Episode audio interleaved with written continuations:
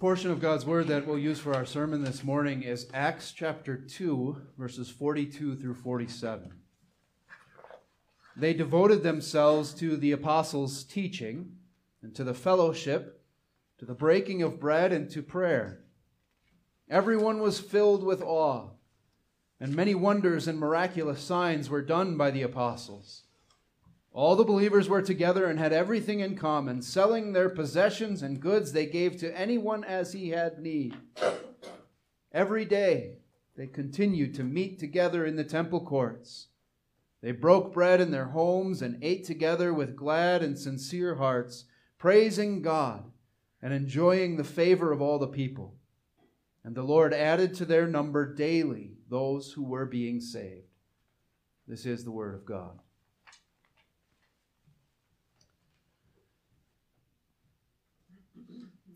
Not even when his words were spurned and rejected. He taught simple spiritual truths in, in ordinary language, framing these lessons sometimes in agricultural pictures or everyday illustrations. And still, those words were met with scorn and scoffing, mockery and ridicule.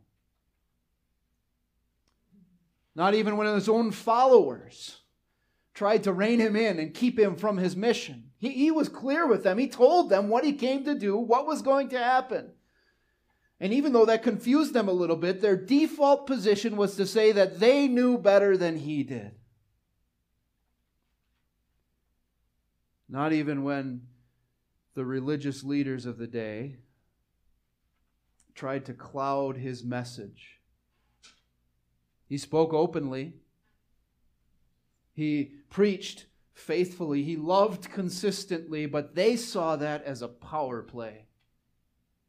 They heard an accusation against their position, and so they called him a liar and a fraud. Not even when his hands were bound, his body beaten, and his head stuck with thorns. Not even when his own people screamed their hatred and demanded his execution, not even when he hung on a cross and suffocated. Not even then did he give up. Did he quit? Did he throw his hands up in exasperation and figure that it just wasn't worth it, that you weren't worth it? No, because you were always worth it. You are always worth it. Your Savior, Jesus Christ, is totally devoted to you. I suppose we could come up with our own list of not evens, right? Not even when the sin I try to hide so much bursts out in astonishing cruelty, harsh words to others, abusive hands at times, cruel looks. Not even when my ears are shut. Because I don't want to hear what God has to say. I don't want to hear Him call me out for my sin. And I don't want to deal with the fallout and all the, the consequences of what I've done. Not even when my heart doubts. When I think that God can't fix this, that God can't fix me. When my fear takes a greater power than God. Not even then does the Savior stop. He gives himself to you. All of him for all of you.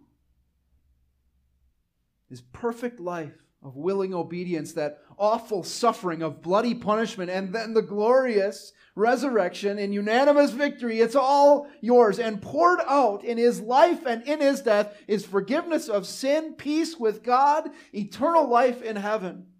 And not even then does the Savior stop giving to you because he is your good shepherd, the one who relentlessly chases after you, the one who gently calls you back, the one who scoops you up in his arms and says, I am here. And I've got you, and I'm not going to let you go.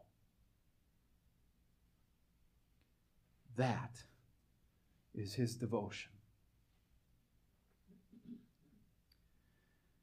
Boy, it's kind of tempting to stop there, isn't it? Just say amen. Now, you're not that lucky, though. I'm going to keep talking. This morning, we've had the opportunity to revisit some of those familiar words from Psalm 23. I don't know if you noticed it, we sang it twice already in our opening hymn and then in the psalm. And those words remind us of this comfort of knowing that our Savior is our good shepherd. He is. He leads us. He, he guides us in righteousness. He protects us in the valleys of sin and death. He gives us the promise of eternal life forever. That is true devotion. But there's another aspect to that devotion that we get to talk about this morning.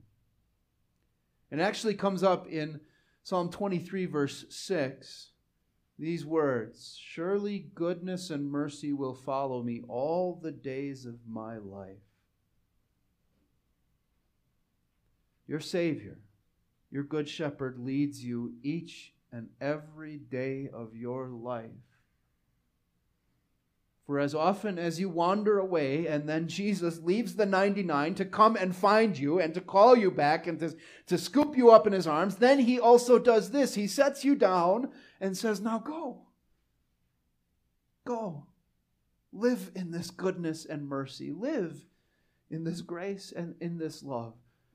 That's the aspect of Jesus, our Good Shepherd, that we get to talk about today. His devotion to us is really what leads to our devotion to Him.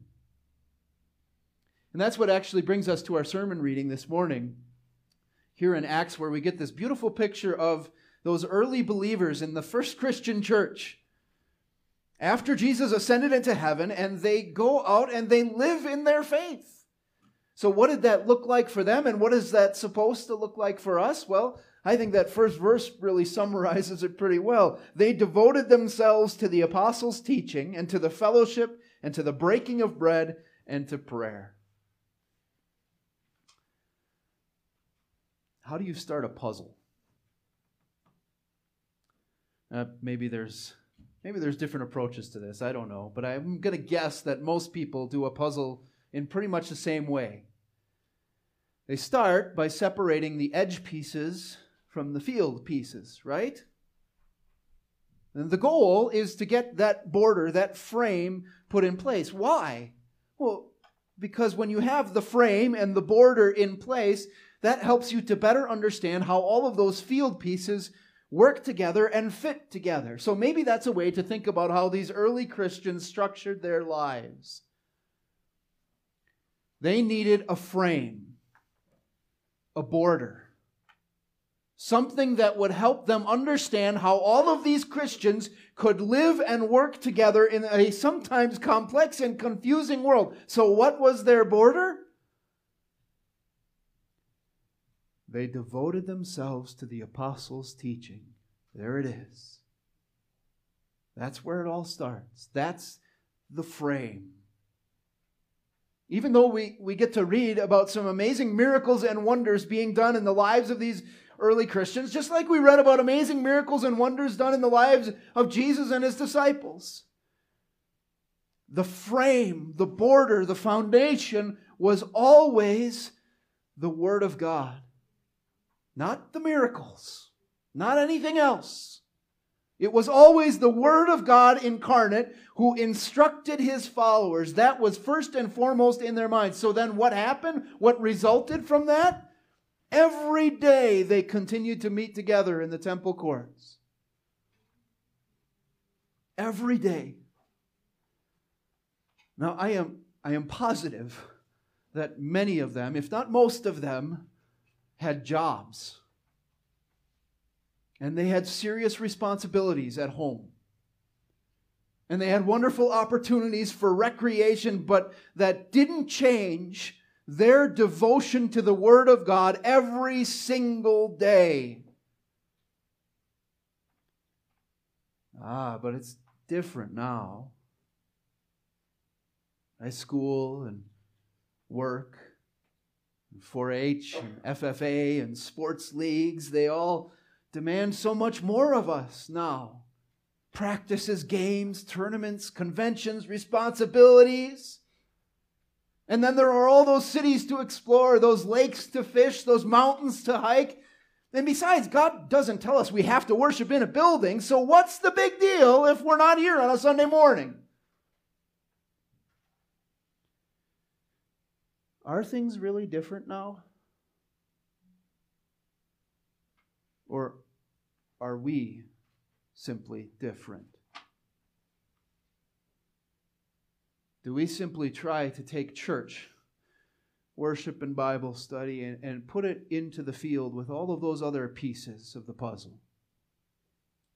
Instead of realizing that it's the frame, it's the border that helps us to understand and define how everything else works together. And maybe that's a good lesson for us to remember, especially as we head into a vacancy. There is no greater devotion than what you will find right here in the Word. Your Savior's devotion to you. Here is where you get to find miracles and wonders. Here is where salvation is poured out in the waters of baptism. Here's where strength is given for your heart in the food of Lord's Supper. And here is where the Good Shepherd chases after you and calls you back with his promise of forgiveness and the joy of his blessings. There is no greater devotion than what you find there. So echo that devotion in your congregational life. Be here. Be in the Word. Be with God's people. They devoted themselves to the apostles' teaching and to the fellowship, to the breaking of bread and to prayer. Everyone was filled with awe, and many wonders and miraculous signs were done by the apostles. All the believers were together and had everything in common. These early Christians, they weren't like billiard balls. And what I mean by that is this it's not as if they just started out together at the beginning, but then they were scattered and smattered and they went their separate ways, and they would only occasionally bump into each other when it happened. No. They were together all the time. And they had a unity of faith that exploded in, in prayer and in worship and in meals shared together. But they didn't separate from each other. They stayed together. They were fused together. They were tied together. Oh, but things are different now. Our society is so much more mobile and technologically advanced. Our churches are different now, too. My church is different now, right? Sometimes my church can be a little stuck in the mud. Sometimes my church doesn't really fit my style. Maybe my pastor's a little bit boring. And that's to say nothing about the people that are here and that have hurt me. Right? We're supposed to be united in faith, but man, do they have different politics than I do. And man, does that guy look at me funny. And wow, she doesn't really understand what it's like to struggle at all. Are things really different now? Or are we simply different. Have we simply forgotten what God's church was designed to be? It was not designed to be this magic lamp that we could rub to get all of our preferences and our politics the way that we want them. No, it is a fountain of life for sinners who need a Savior. So, so take a look around you for a moment. What do you see? Or, or maybe better, whom do you see? Because that person in the padded chair beside you is not an enemy or a nuisance or a troglodyte.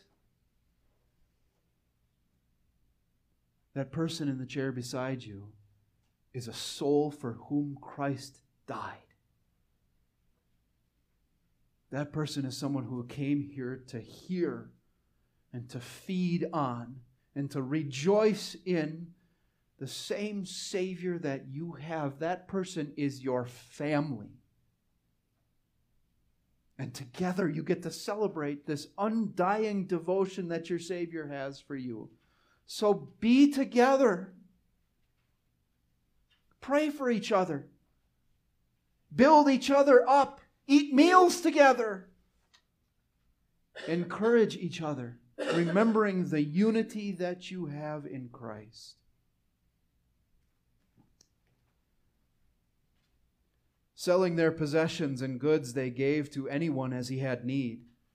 Every day they continued to meet together in the temple courts. They broke bread in their homes and ate together with glad and sincere hearts, praising God and enjoying the favor of all the people.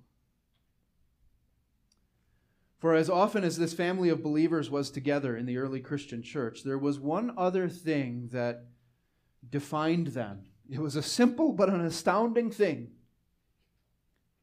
They were out there, weren't they? They were out there.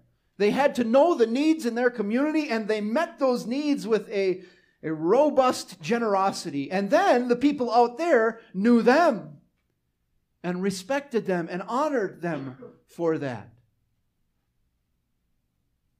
Ah, but things are different now. Our world is a lot more hostile now. They hate us.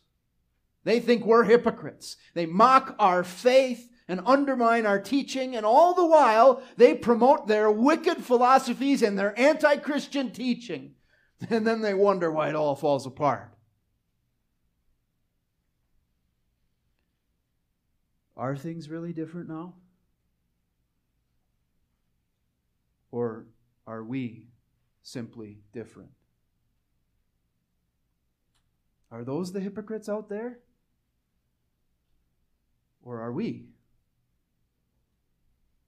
Have we simply sat here, gathered here, waiting for people to come and bend to us without going out to meet them? To find out what they're struggling with? And to give them the one thing, the one thing that they need more than anything else? You know, sometimes there are some hack theologians that try to guilt the church into changing their patterns of behavior by asking this question. They say, if Jesus were alive today, where would he be on a Sunday morning? Would he be here in this building with us, in a church building? Or would he be out on the streets meeting people and talking to them? If Jesus were alive today, where would he be? The implication is, of course, that Jesus would be out there, and so we should be too. But that's a faulty question. If Jesus were alive today, where would he be? That's a faulty question. First of all, it's faulty because Jesus absolutely is alive today. Our Easter celebration continues. He is risen. He is risen indeed. Hallelujah. Right? But there's another reason that question is faulty. Because Jesus absolutely is here with us in this building this morning. And he is absolutely with us when we are out on the streets talking with people and meeting with. He's there because he's God. And that's the extent of his devotion to us. He promises to be with us wherever we are. So let's not use that question to imply that it's somehow pointless for us to gather together on a Sunday morning. No. This is where we are fed with Jesus' perfect life and death, with his sacrificial devotion that makes us part of God's family. But let's also not use that question as an excuse for our laziness. Our world is dying. And it's dying without hope. But we have a hope that saves. So let's go out.